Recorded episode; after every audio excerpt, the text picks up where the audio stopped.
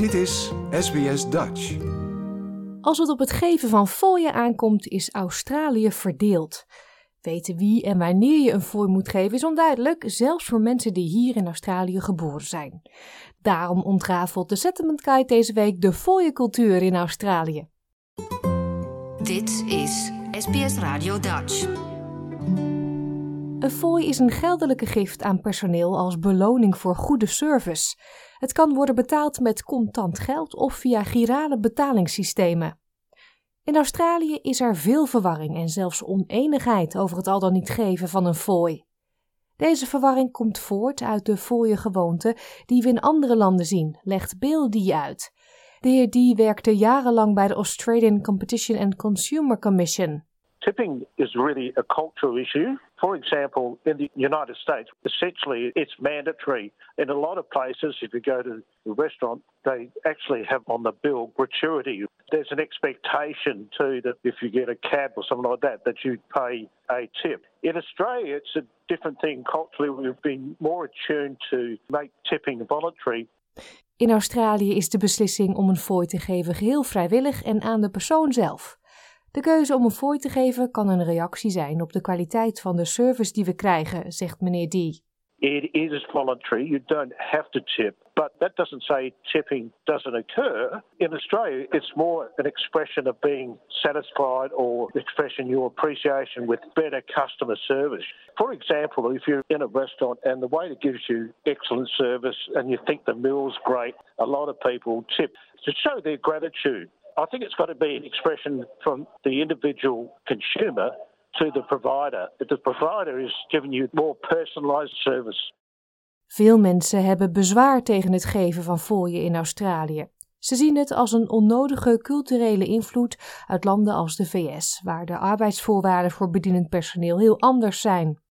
Cam Smith is de maker van het langslopende radioprogramma over eten in Australië op de zender 3RRR. You shouldn't feel obliged to give that because of the wage structure that we have here in Australia. Australia has a fairly high minimum wage compared to the rest of the world, but unlike, say, the United States of America, where the wages are very, very low and service staff need a gratuity to survive, in Australia, it's up to the person whether or not great service is to be rewarded with a tip.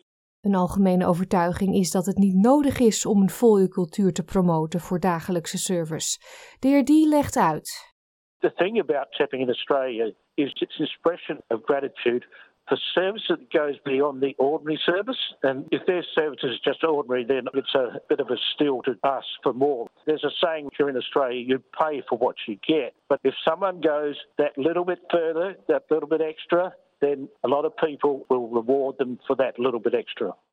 Als je ervoor kiest om in een restaurant een fooi te geven, kan je het geld na de maaltijd op tafel achterlaten of in een fooienpot op de balie stoppen. Ook aan een creditcardbetaling kan een fooi worden toegevoegd. Van restauranthouders wordt verwacht dat ze de fooien doorgeven aan hun medewerkers. Dus als we ervoor kiezen iemand te belonen voor goede service, hoeveel moeten we dan geven? Dat is geheel aan de persoon, maar er zijn een aantal geaccepteerde richtlijnen, zegt Cam Smith. Usually in Australia, a tip or a gratuity, as it's sometimes called, is about 10%.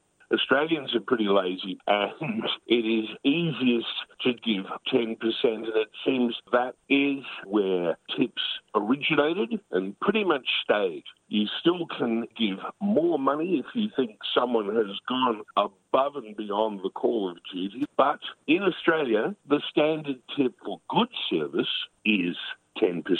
Door de pandemie is de wens om de horeca en de dienstverlenende sector te ondersteunen gegroeid en dat heeft invloed op de fooiencultuur van Australië. Open Tables is een bedrijf dat gasten in contact brengt met restaurants. Zonder vragen regelmatig restaurantbezoekers naar hun gewoonten en verwachtingen. Hun laatste onderzoek onthulde hoe de pandemie het geven van fooien in de Australische horeca heeft veranderd. Robin Chen beheert de internationale markten voor Open Tables. Hij zegt dat de Australische fooiencultuur historisch gezien nooit sterk is geweest. What we've seen after the pandemic and after lockdowns is a shift in sentiment. So around 25% of Aussies that we surveyed are now happy to tip after a meal. And that's really led by our young guys under 30s. Around half of them are very willing to tip after a meal. So that's been a real sea change for us in terms of eating out restaurants and how we treat our restaurateurs and front. Door de pandemie is het geven van fooien in cash verminderd. In plaats daarvan zien we meer EFT-postbetalingen, bestellingen via QR-codes en het gebruik van ridesharing en maaltijdbezorg-apps. Deze bevatten meestal functies voor het geven van een fooi en in de app wordt vaak gevraagd of je een fooi wilt geven, zelfs al is er heel weinig menselijke interactie. Australië is een van de grootste gebruikers van QR-betalingen en bestellingen ter wereld, zegt de heer Tieng. Deze automatisch oppoppende berichten mogen echter geen invloed hebben op uw beslissing om wel of geen fooi te geven.